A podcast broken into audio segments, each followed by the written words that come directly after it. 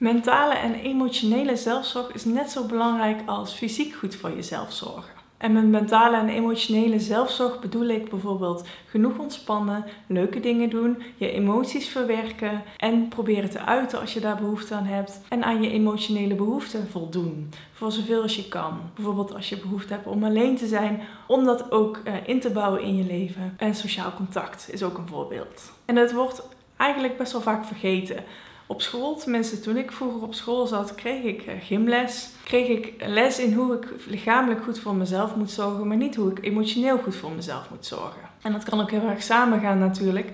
Bewegen en sporten en goed slapen is ook heel erg goed voor je mentale welzijn.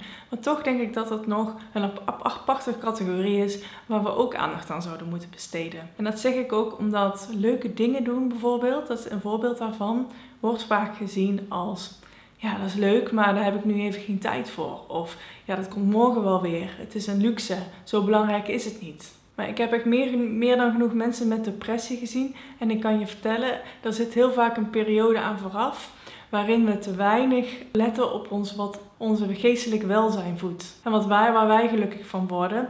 En wat wij fijn vinden om te doen. Als je je in de zomer nou op mentaal gebied of emotioneel gebied beter voelt dan in de winter dan kan het ook eens interessant zijn om eens te kijken, doe je in de winter ook iets anders? En dan ligt het misschien niet alleen aan het weer, maar ook in je verandering in gedrag. Je moet daarbij altijd denken aan iets dat ik las over mensen in Scandinavië, dat zij het in de winter heel erg normaal vinden om samen af te spreken of in een groep mensen af te spreken. Buiten op straat of in een park. Dan gaan ze een vuurtje maken, gaan ze barbecuen, in de sauna, noem maar op. En dat sociale contact in de winter, dat geeft eigenlijk een buffer tegen die eenzaamheid en die vermoeidheid die in de winter uh, heel erg kan spelen. En dat zijn we hier in Nederland echt helemaal niet gewend. En wat voor gewoontes denk jij als ik het heb over emotioneel en mentaal goed voor jezelf zorgen?